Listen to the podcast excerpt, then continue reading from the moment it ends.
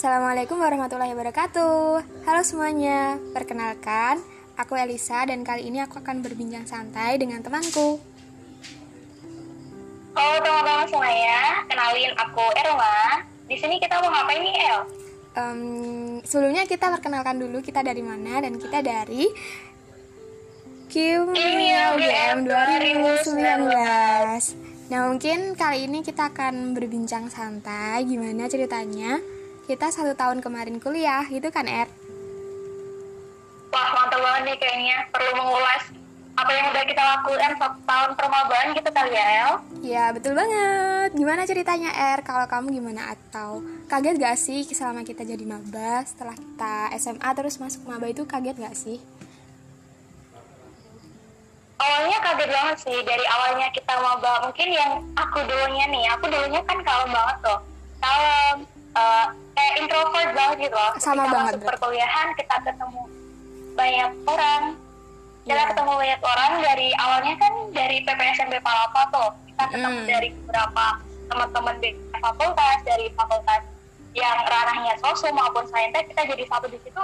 Dan kita ketemu banyak orang yang berbeda karakter dari kita awalnya gitu kan. Iya. dari situ aku merasanya Betul banget. Oh teman-temanku lebih beragam nih lebih berkarakter gitu kan. Jadi dari situ mungkin teman-teman nanti yang awalnya masuk jadi maba bakal terasa ada suasana baru dengan orang-orang yang baru. Kayak gitu sih El.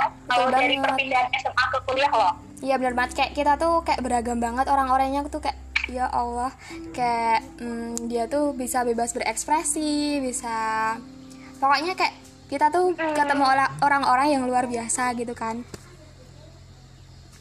Iya benar banget. Dan di situ pasti ngedorong buat kita buat sama kayak mereka. Bukan artian kita ingin mencontoh orang lain ya tapi kita juga harus punya mindset. Kita tuh punya kelebihan dan harus ditunjukin juga gitu loh. Iya. orang lain bisa menunjukkan kelebihannya. Mereka bisa apa ya namanya kayak memperlihatkan gitu loh dia bisa apa dan kita pun pasti juga bisa gitu. gimana kita bi- bisa mengaktualisasikan diri kita bersama mereka kan iya benar banget. Benar banget. Nah. Terus aku mau nanya dong El. Lo nanya apa? Boleh boleh boleh. Kan ini tuh kita kan dari permabaan kita kan udah satu tahun nih dari awalnya maba sampai sekarang kita udah punya adik tingkat. Rasanya gimana nih El? Kita udah punya adik tingkat sekarang kayak rasanya tuh kemarin tuh kayak cepet banget gitu loh kuliah. Apalagi sekarang kan ketambahan kuliahnya online juga. Jadi di kampus terasa cepet banget. Padahal udah dua semester aja gitu loh. Kan yang satu semester kita full yang yang semester dua kita kan eh, ada yang di rumah ada yang cuma di kos aja nggak bisa datang ke kuliahan. Nah mungkin banyak sekali sih yang didapat selama satu tahun ini kayak kita kenal kakak kakak tingkat kita punya organisasi-organisasi baru pengalaman baru kayak banyak banget yang didapat selama satu tahun ini. Jadi kayak wow kayak bisa beda gitu loh sama pas SMA apalagi aku pas SMA juga sama kayak kamu. Aku introvert terus takut berekspresi sama orang lain takut pokoknya beda. Kalau kamu gimana Er? aku juga hampir sama sih. Kita mulai dari masa permabaan sampai satu tahun ini kan dipenuhi dengan tadi organisasi habis itu mungkin lomba-lomba juga terus akademik yang awalnya akademiknya kita mungkin masih bisa mengikuti pelajaran kali ya. Tapi kalau di semester 2 ini daring tuh aku aku sendiri tuh merasa aduh kenapa nilaiku sekarang lebih drop dari semester kemarin ya? Gitu aku Iya. mikirnya kamu gimana El? Nilaimu semester 2 ini? Kalau menurutku nilai ya ada yang lumayan ada yang kayak nggak bisa terduga gitu loh. Kayak aku aku sendiri kurang merasa puas dengan adanya daring ini karena kita nggak bisa langsung bertatapan sama dosen kita nggak bisa tanya secara bebas. Karena kan karena cuma lewat itu kita jadi kurang lah pokoknya. Tapi ya nggak apa-apa sih. Terus kalau misalnya daring ini juga kan em, selama kita ujian kan juga bisa bebas gitu loh. Nah dengan adanya itu aku malah ngerasa nggak puas gitu loh. Bisa bebas membuka buku searching itu aku malah kurang kurang menantang gitu loh kalau kamu gimana Er? kalau dari aku ya dari pengamatanku sendiri setelah kita semester 2 secara daring ini loh itu tuh aku ngerasa sebenarnya ada sisi positif maupun negatifnya gitu kan Iya, benar. dari sisi positif Benar ya banget. mungkin yang kita rumahnya jauh kita bisa keluarga kita bisa pulang bareng keluarga gitu loh kita bisa di rumah menghabiskan banyak waktu sama keluarga tapi sisi negatifnya ya tadi terkadang kita nggak memikirkan uh, orang lain gitu loh. Iya misal benar. hari ini kita di Jogja Jogja kan kota yang besar gitu kan. Sinyal dan eh, maksudnya sinyal tuh mudah didapat gitu kan. Lancar-lancar aja gitu. Apalagi eh, teman-teman kita yang maksudnya di luar Jogja mungkin di pelosok. Kadang kemarin tuh aku dengar-dengar berita tuh sampai harus naik ke putih gunung biar dapet sinyal kayak gitu Iya, aku kadang benar. rasa kasihan sendiri gitu Mm-mm. itu sisi negatifnya Iya, tuh yang benar. pertama terus Iya. ada lagi tuh yang kabar-kabar simpang siur itu loh kamu tahu nggak sih El kalau kemarin tuh sempat ada yang nggak jujur gitu kan Iya Dan itu aku merasa, itu pasti banget ada. sih kita nggak jujur gitu Iya iya. Dari bener situ, banget. kalau menurutmu kejujuran itu gimana sih El Em, menurutku adanya itu kan itu lebih menantang kita buat gimana sih? Apa kadar kejujuran kita kalau misalnya dosennya ngelarang kita buat buat buat buka buku? Nah pasti kalau setiap orang kebanyakan kan mikirnya alah apa sih? Dosen kan nggak lihat kita kita buka buku juga dosen nggak tahu. Nanti kalau misalnya aku nggak buka buku teman-temanku buka buku aku nilainya jelek mereka nilainya bagus dong. Padahal kita ujian itu kan kita mau mengukur kemampuan kita selama kita belajar selama Iya, ini betul. bukan untuk sekedar mencari nilai aja gitu kan Nah iya, dan aku juga pengen banget gitu loh menekankan bahwa kita itu sekarang udah mahasiswa, kita udah punya pemikiran lah kita ke depannya mau gimana. Kalau kita masih menggunakan kebiasaan, kebiasaan yang menurutku itu udah baik gitu loh, seperti nggak jujur tadi, gimana? Hanya kan mahasiswa itu masa generasi emas bangsa gitu kan. Betul gimana kalau generasi bangsanya itu masih seperti ini? Indonesia Iya. kalau majunya nggak sih? Eh, iya betul banget karena kan nomor satu sebenarnya itu karakter bukan bukan berapapun nilai kita di Iya. mata kuliah kan betul tapi mem- memang kebanyakan kan dari mahasiswa yang misal adanya daring ini pas ujian memang kebanyakan kan ya susah buat mengendaliin itu gitu loh Iya benar sih. Tapi karena mungkin lingkungan juga mempengaruhi nggak sih El? Kalau kita di lingkungan yang baik, otomatis secara langsung kita juga bakal tertarik di lingkungan yang baik. Tapi kalau misal kita nggak di lingkungan baik, ya kita sendiri dong harus memulainya biar lingkungan kita jadi baik gitu. Iya betul banget maka semuanya harus saling mengajak gitu biar terpenting adalah ya karena kita itu masa depan bangsa jadi harus punya karakter yang bagus betul kan Nah, iya bener banget nih. Keren nih. Terus itu dong aku juga mau nanya-nanya. Kan abis maba tuh, abis maba tuh kamu langsung join-join organisasi atau lomba-lomba gitu nggak sih? kalau aku lomba sih belum berani nyoba karena dulu aku sejak SMA memang belum berani gitu loh kayak belum merasa tertantang nah mungkin kamu yang udah lomba-lomba gitu ya ada aku minta tips-tips kamu gimana caranya karena kamu udah juga menang kan nah itu kalau organisasi mungkin aku ikut Alhamdulillah. Iya, bangga banget. Ye dari kimia. Terus kalau organisasi mungkin aku baru gabung di BEM. BEM KMF MIPA UGM. Wah, Sama kan kayak kamu. mantap nih anak BEM. Oh iya ya, aku juga BEM. Iya.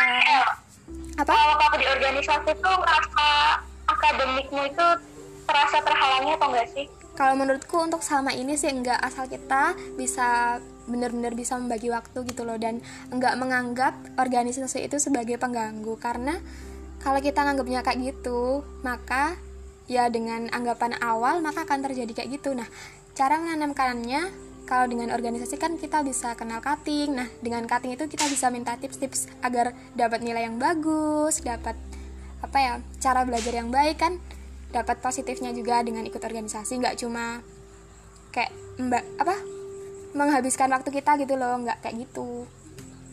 Kalau kamu gimana ya waktu sia-sia gitu kan? iya enggak sebenarnya. Karena kan kalau kita kuliah juga kita itu nggak nggak cuma cari pengalaman atau cari pelajaran di kelas gitu loh. Kita juga harus bereksplorasi di luar juga gitu kan. Iya, bener banget. terus gimana R pengalaman lomba kamu? Kamu kan dapat juara tuh di lomba kemarin. Itu sebenarnya susah kayak sih El kalau dijelasin gitu kan. Otomatis dari situ tuh aku merasa banyak banget pengalaman yang bisa aku ambil hikmahnya gitu. Iya, yang pertama mungkin karena maba tuh ya. Karena maba kan otomatis aku awalnya jadi maba itu kan organisasi dulu kan yang aku ikut. Iya, Dan satunya tadi BEM BEM. sama kayak BEM kayak FIPA UGM di situ awalnya aku ngerasa oh emang aku passionnya tuh ngomong sama orang gitu aku nggak bisa sehari Diam. nggak bisa ketemu sama orang gitu contohnya kali ini kita daring itu aku rasa di rumah tuh Iya, aku benar banget. ketemu sama orang gitu kayak ngerasa tertekan gitu kan gitu Iya, benar tapi aslinya juga enggak Ya, harus Kalau ada. kemarin itu pengalaman lomba sebenarnya awalnya tuh aku juga nggak kepikiran sih jadi maba terus ikutan lomba enggak gitu soalnya awalnya aku mikir jadi maba otomatis aku harus punya IPK yang bagus IPK kumlot gitu kan. Iya. tapi ternyata ketika udah di tengah jalan udah jalan duluan itu ada hal-hal yang nggak tersangka gitu loh. Mungkin itu juga mungkin bisa dibilang rezeki dari Allah gitu kan. Mm-mm. soalnya pernah kemarin tuh ditawarin sama Kating kan. Aku juga nggak tahu Kating kenal aku dari mana. Itu tiba-tiba ngajak lomba gitu.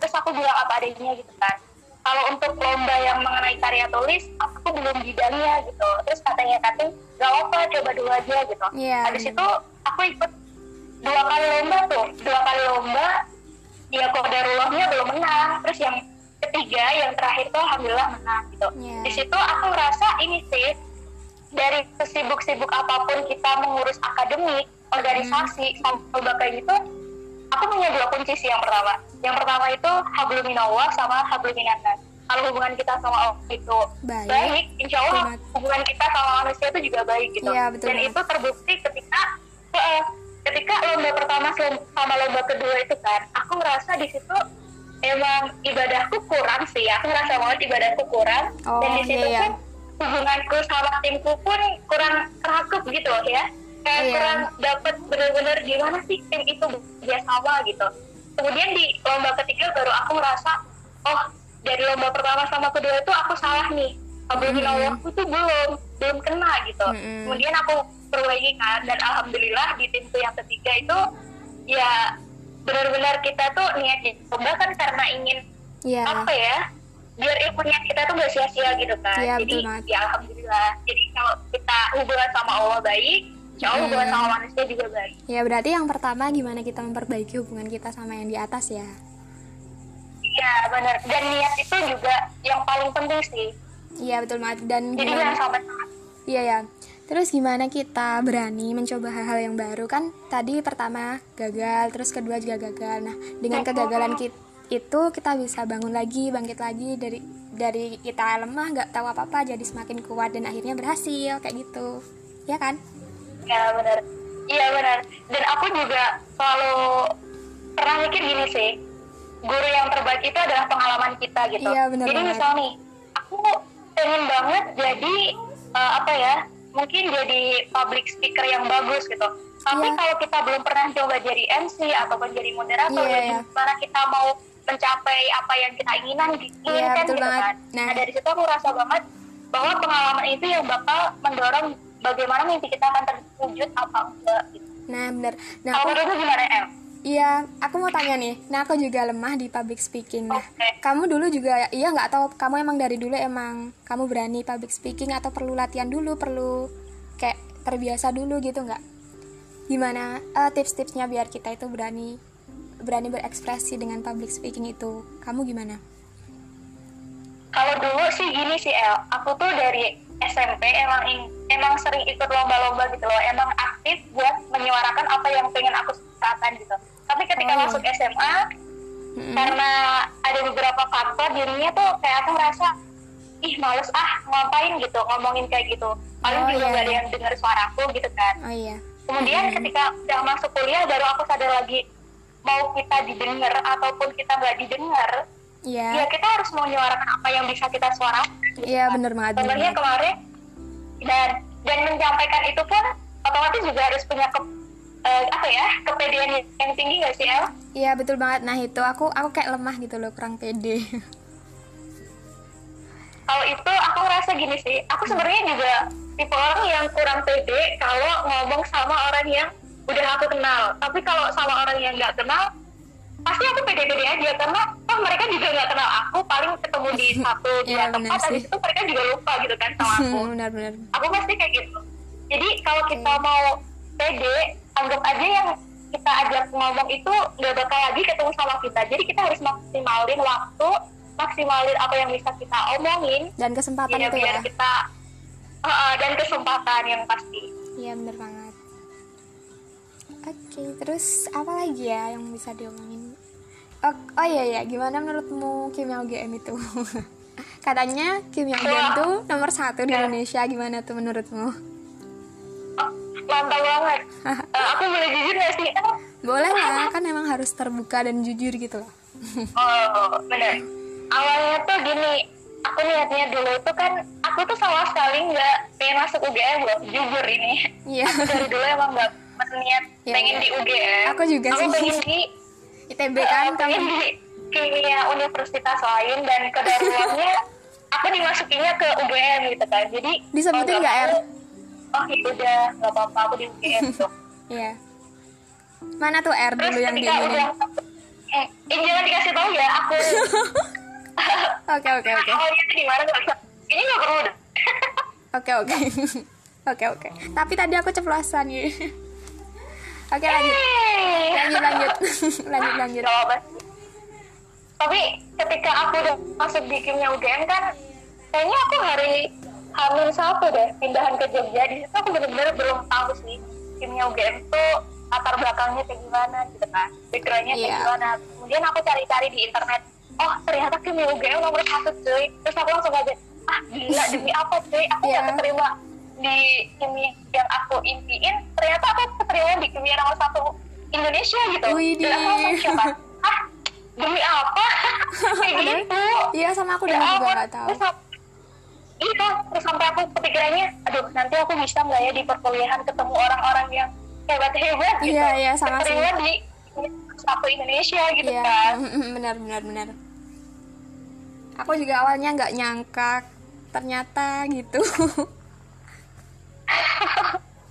Mantap banget sih ternyata. Iya. Terus gimana nih El? Kamu kan udah hampir satu tahun nih di kimia UGM. Tuh kesahnya apa nih?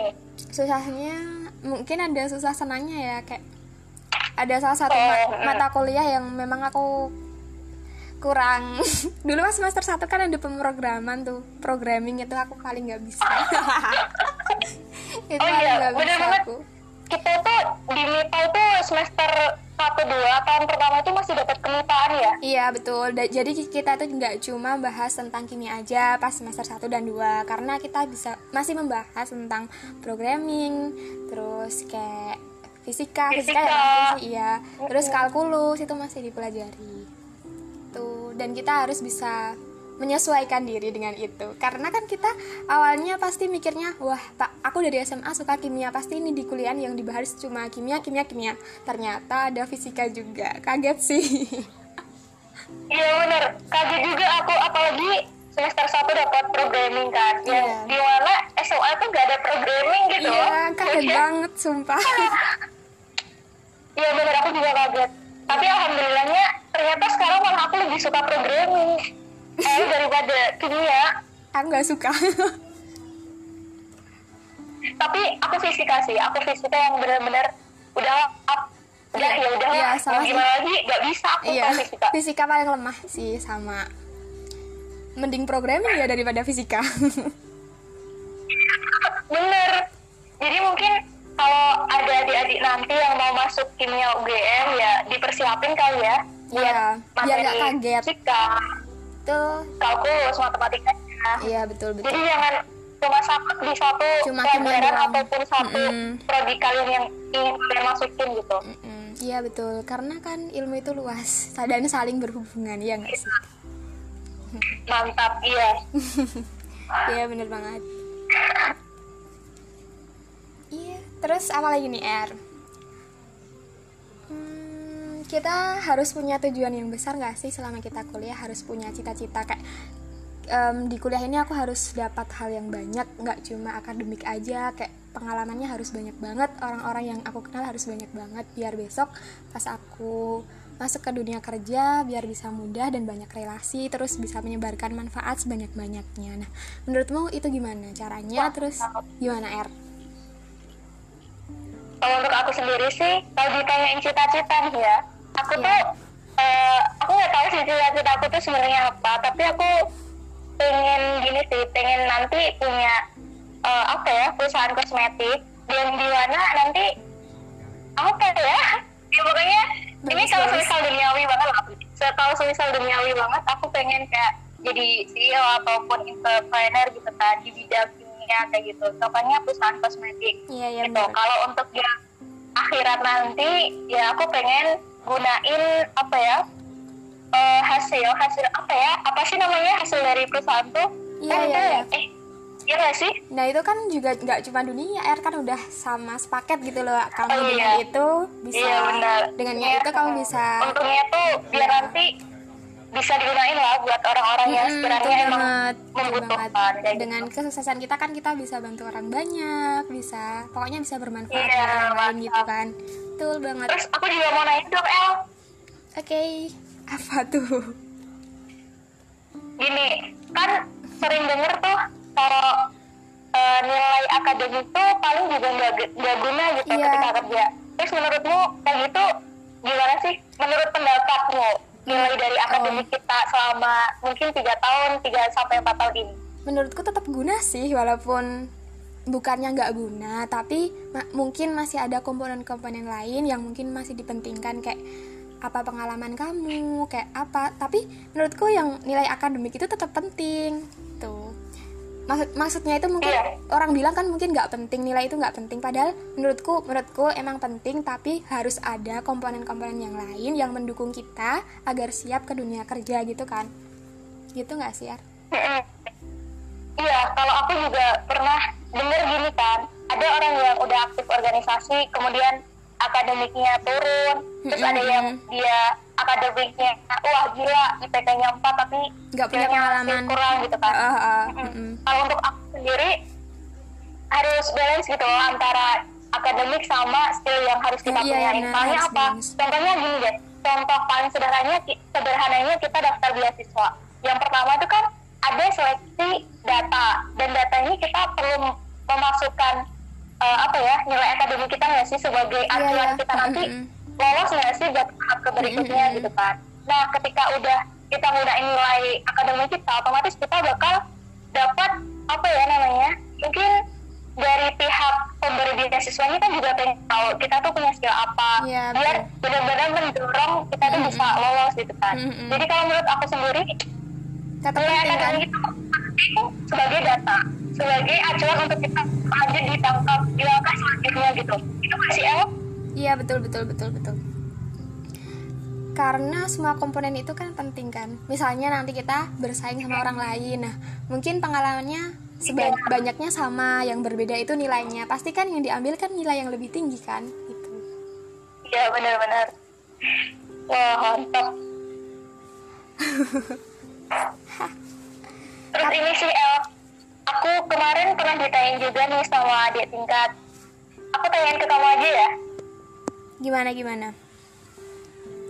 Kemarin tuh ditanyainnya gini kak kalau semisal kita semisal kita pengen masuk ke universitas apakah mindset mindset habis itu eh, lingkungan ataupun teman-teman kita itu semakin apa ya hmm, mungkin semakin ke sini ataupun kita dari awalnya maba yang awalnya kalem kayak aku tadi terus kemudian kita masuk di perkuliahan kita tuh bakal beda 300 eh 300 180 derajat. Iya. menurutmu kayak gitu bener gak sih El? enggak sih tergantung kita tergantung tergantung kita sendiri dan gimana kita cara kita untuk memilih lingkungan kan.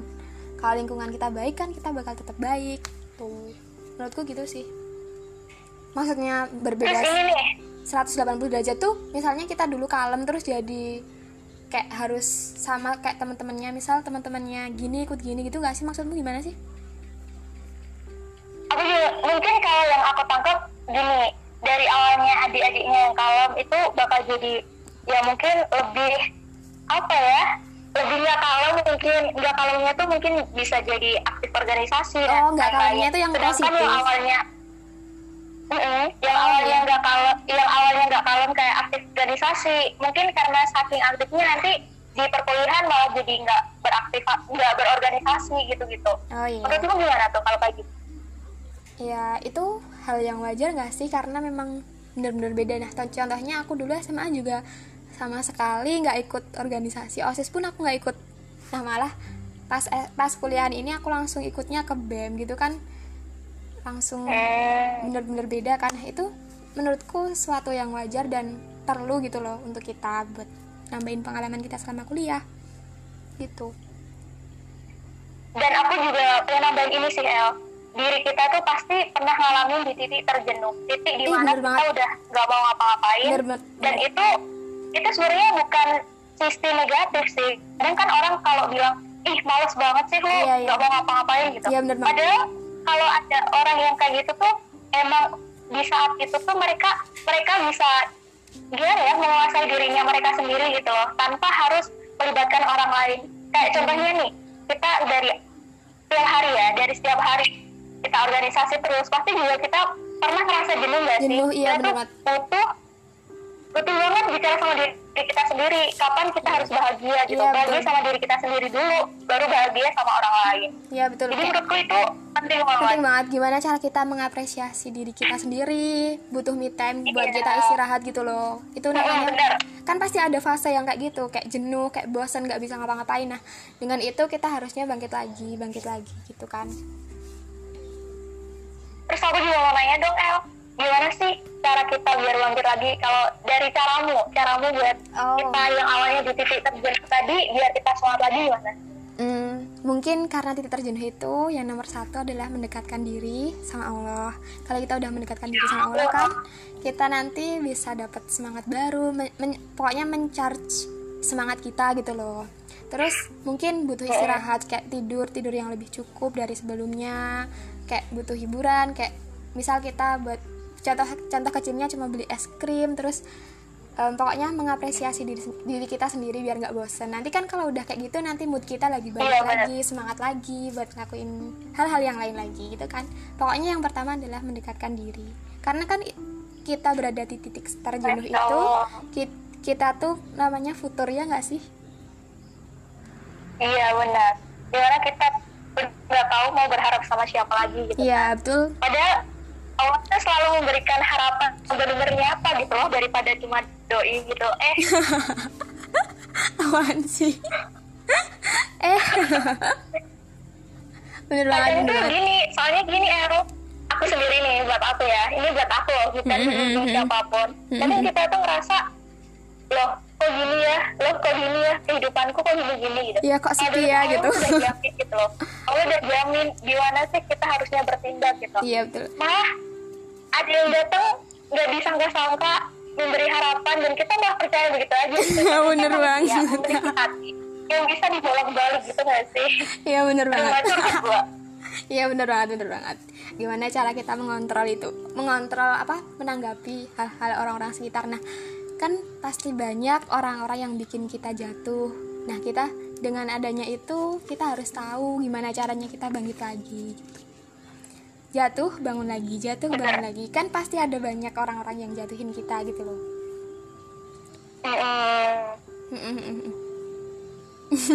Kok jadi itu sih? Iya, kenapa kita malah jadi malah ke sini ya? Kok ada ke sininya ya? Perkuliahan nggak sih? Iya bener banget. Gak apa sih. Nah, nilai Tapi gimana ya? ini kan juga pengalaman kita, pengalaman kita satu tahun Iya. di maba itu kayak gimana gitu kan? Nah, pasti adalah fase kita kayak ngerasa sepi, kayak bosen gitu pasti ada. Iya kan? Iya. Terus kamu sendiri gimana El cara ngatur waktumu? Hmm, Biar nggak keteteran gitu? kalau aku biasanya setiap, setiap pagi tuh tak susun jadwalnya. Nanti aku mau ngapain aja gitu. Terus nanti setelah sore harinya atau setelah selesai aktivitas aku centangin semua dan aku pastikan semua bisa terlaksana gitu. Mungkin aku bikin jadwal ya. Hmm, Mm-mm, bikin jadwal yang pertama. mm-mm. bikin jadwal terus em, enggak menunda-nunda jadi kalau misalnya kita menunda-nunda kan juga nanti kerjaannya bakal numpuk di belakang gitu kan mungkin itu kalau kamu gimana Kalau menunda-nunda, kayaknya berat banget nih kalau buat aku. Iya, Soalnya berat. aku tuh tipe orang yang oh kamu deadline bener gitu loh. oh iya. iya iya iya karena tipe orang Kasih tips dong deadlineer. Kalau aku kalau deadlineer tuh nanti tuh pekerjaanku jadi nggak maksimal gitu loh R. Jadi sejak awal tuh aku tuh udah nggak nggak tenang kalau belum ngerjain sesuatu yang emang harusnya kalau aku bisa ngerjain sekarang ya dikerjain gitu. Tapi kan ada juga orang yang deadlineer gini mikirnya. Kalau aku nanti kerjain di akhir ah- di akhir-akhir aku bisa semangat dan bakal jadi juga. Dan di awal itu diisi dengan hal-hal yang lain dulu gitu kan juga bagus.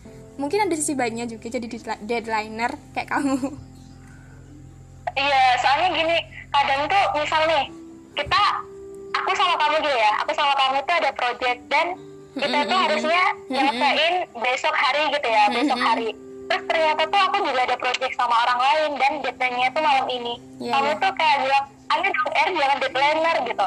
Terus di situ aku ada ngerasa, loh kamu kan nggak tahu gimana posisiku gitu Iya, kan. iya. Terus aku dari situ kayak ngerasa, kita tuh kalau emang udah netapin waktu deadline-nya jam segini ya mengingatkan itu boleh tapi jangan kayak memburu-burukan orang Iya, gitu loh iya, kan iya. kita nggak ada tahu juga gitu kan Mm-mm. aktivitas mereka ngapain kesibukan mereka apa mungkin Mm-mm. juga ada hal lain yang tidak bisa diberitahukan gitu Nah, kan berarti itu mungkin kayak gimana kita naruh prioritas yang mana yang lebih dulu gitu nggak sih? iya iya benar kayak mungkin itu ya tabel prioritas yang dari penting habis itu apa ya?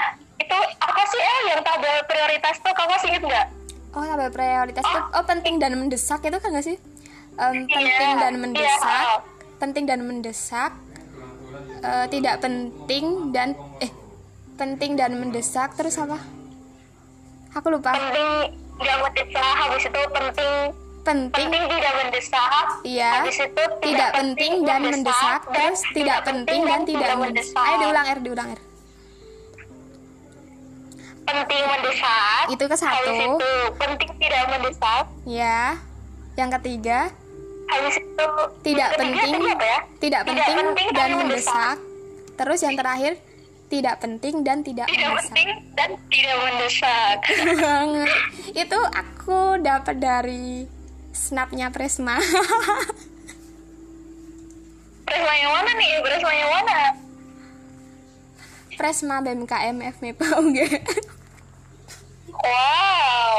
Kalau ini itu sih aku dapetnya udah lama sih dari Oh, SMA iya. kayaknya. Tapi Aku nggak dapet- tahu itu yang nyiptain siapa ya? Aku apa?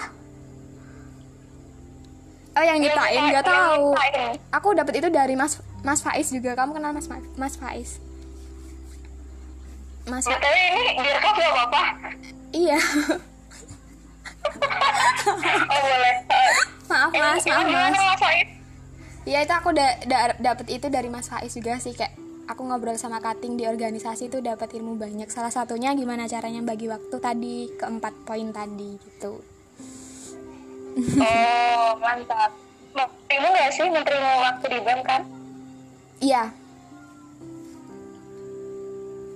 Aku juga seneng banget sih ini ketika aku di humas BEM. Soalnya kan awalnya tuh orang-orang kan bilangnya kalau di humas itu kan penangkaran buaya. Di mas-mas gitu kan, tingkatan dari humas. Dan di situ aku rasa, loh kok ada benernya ya? Aku di humas berapa? Ada Iya, apa bener. ya? Mungkin sisi-sisi kebudayaan yang tidak pengen aku tunjukkan gitu loh. Maaf, Mas. Kalau ada. iya iya iya. Oh, kayaknya kayaknya ini yang bagian ini kita cut aja deh. Kayak dalam organisasi gitu ya. nggak apa-apa kan? Pasti di organisasi itu ada kayak gitunya. Oh, ya udah deh. Terserah kayaknya ini juga biar menambah wawasan adik-adik gitu kan ya. Gimana? Iya betul. Tapi kok. organisasi di Betul. SMA sama kuliah tuh betul beda Iya, banget. iya. betul betul betul. Betul betul betul. Terus apa lagi nih? Ini sih El, kamu ngasih tips-tips buat adik-adik gitu nggak? Yang pengen nanti masuk di kimia UGM gitu? bukan tips sih sih. Aku dapat quotes ini dari kita pas awal itu. Pas apa sih? Kita masuk itu kan? Awal masuk itu kan kita Apa dapat motivasi kan? Iya iya. Ada motivasi dari Mbak Widi tahu nggak Mbak Widi Tahu kok, tahu, tahu. nah Lanjut. itu kan quotesnya gini selama kuliah itu kita ngeraih IPK tinggi belajar di kelas lulus tepat waktu, berorganisasi, dan berkembang semaksimal mungkin gitu. Hmm. Kalau aku ini sih kalau nanti ada adik-adik yang pengen banget masuk di kimia UGM dan ngerasa kalau kimia UGM itu, waduh, kimia nomor satu nih di Indonesia bisa Yes. masuk nggak ya gitu. Mm-mm. Kalau menurut aku sendiri, adik-adik sekarang kan masih punya waktu tuh, masih Iya. punya waktu gunain waktunya itu sebaiknya mungkin, sebaik mungkin. Karena apa? Mm-mm.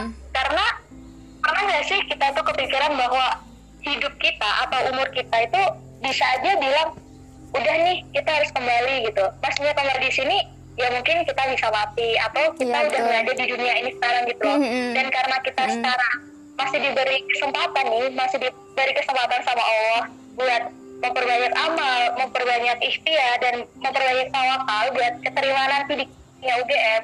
Jadi teman-teman harus maksimalin itu gitu. Mm-mm, betul. Kalau menurutku itu. Mm-mm. Gimana kita memaksimalkan diri kita setiap waktunya ya? Iya. Betul. Dan niatkan semuanya itu karena Allah. Iya, karena betul terlihat duniawinya kita melakukan sesuatu, kalau niatnya karena Allah, insya Allah tercatat pahala. Iya, benar bantu banget. nanti Betul banget, betul banget. gitu. Iya, betul banget. Mantap banget. Ih, ya ampun. Eh, ini kan ngobrol santuy kan, El? Iya, mantap banget sumpah.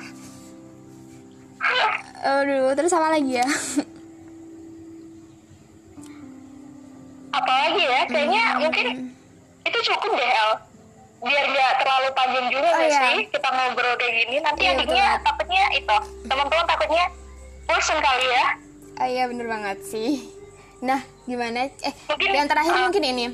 Semoga kita bisa jadi mahasiswa yang terbaik dan ideal. Nah, mahasiswa ideal itu kata Mbak Widi juga adalah mahasiswa yang nggak hanya belajar di dalam kelas, tapi berkembang juga di luar kelas sebagai bentuk tanggung jawab kita tanggung jawab kita kepada orang tua dan di definisi definisi ideal itu kan menurut diri kita masing-masing, tujuan kita masing-masing dan jangan pernah membandingkan kita dengan orang lain karena orang lain itu beda dengan kita gitu. Kalau yang baik diambil, kalau Ya. yang buruk dibuang jauh gitu. Mantap banget. Percakapan yang luar biasa malam hari ini. Yips, betul banget. Terus udah ya Kayaknya mungkin kita ya. mau adain lagi nggak sih El? Nanti ngobrol santuy. Iya, Episode. 2 mungkin kita ngobrol mengenai apa gitu. Eh, mungkin mengenai lebih ke organisasi atau tips-tips yang lain gitu kan. Oh iya benar. Kan tadi kita udah mengulas nih gimana permabaan. Mungkin Iya. kita bakal Kaget gak sih? uh, membahas lebih, uh, lebih detail lagi gimana sih kehidupan mahasiswa gitu. Mm-mm. Udah ya berarti. Udah nih kayaknya, udah cukup. Oke, sangat-sangat Nggak tahu lagi cukup. apa. Sangat-sangat cukup. Oke, mungkin itu aja bincang-bincang santuinya dari kami. Terima kasih sudah mendengarkan. Iya. Semoga bermanfaat dan tunggu di podcast selanjutnya. Yeay. Makasih Arma. Terima kasih juga Elisa. Sampai jumpa. Sampai jumpa. Wassalamualaikum warahmatullahi wabarakatuh. Yeay. Waalaikumsalam warahmatullahi wabarakatuh.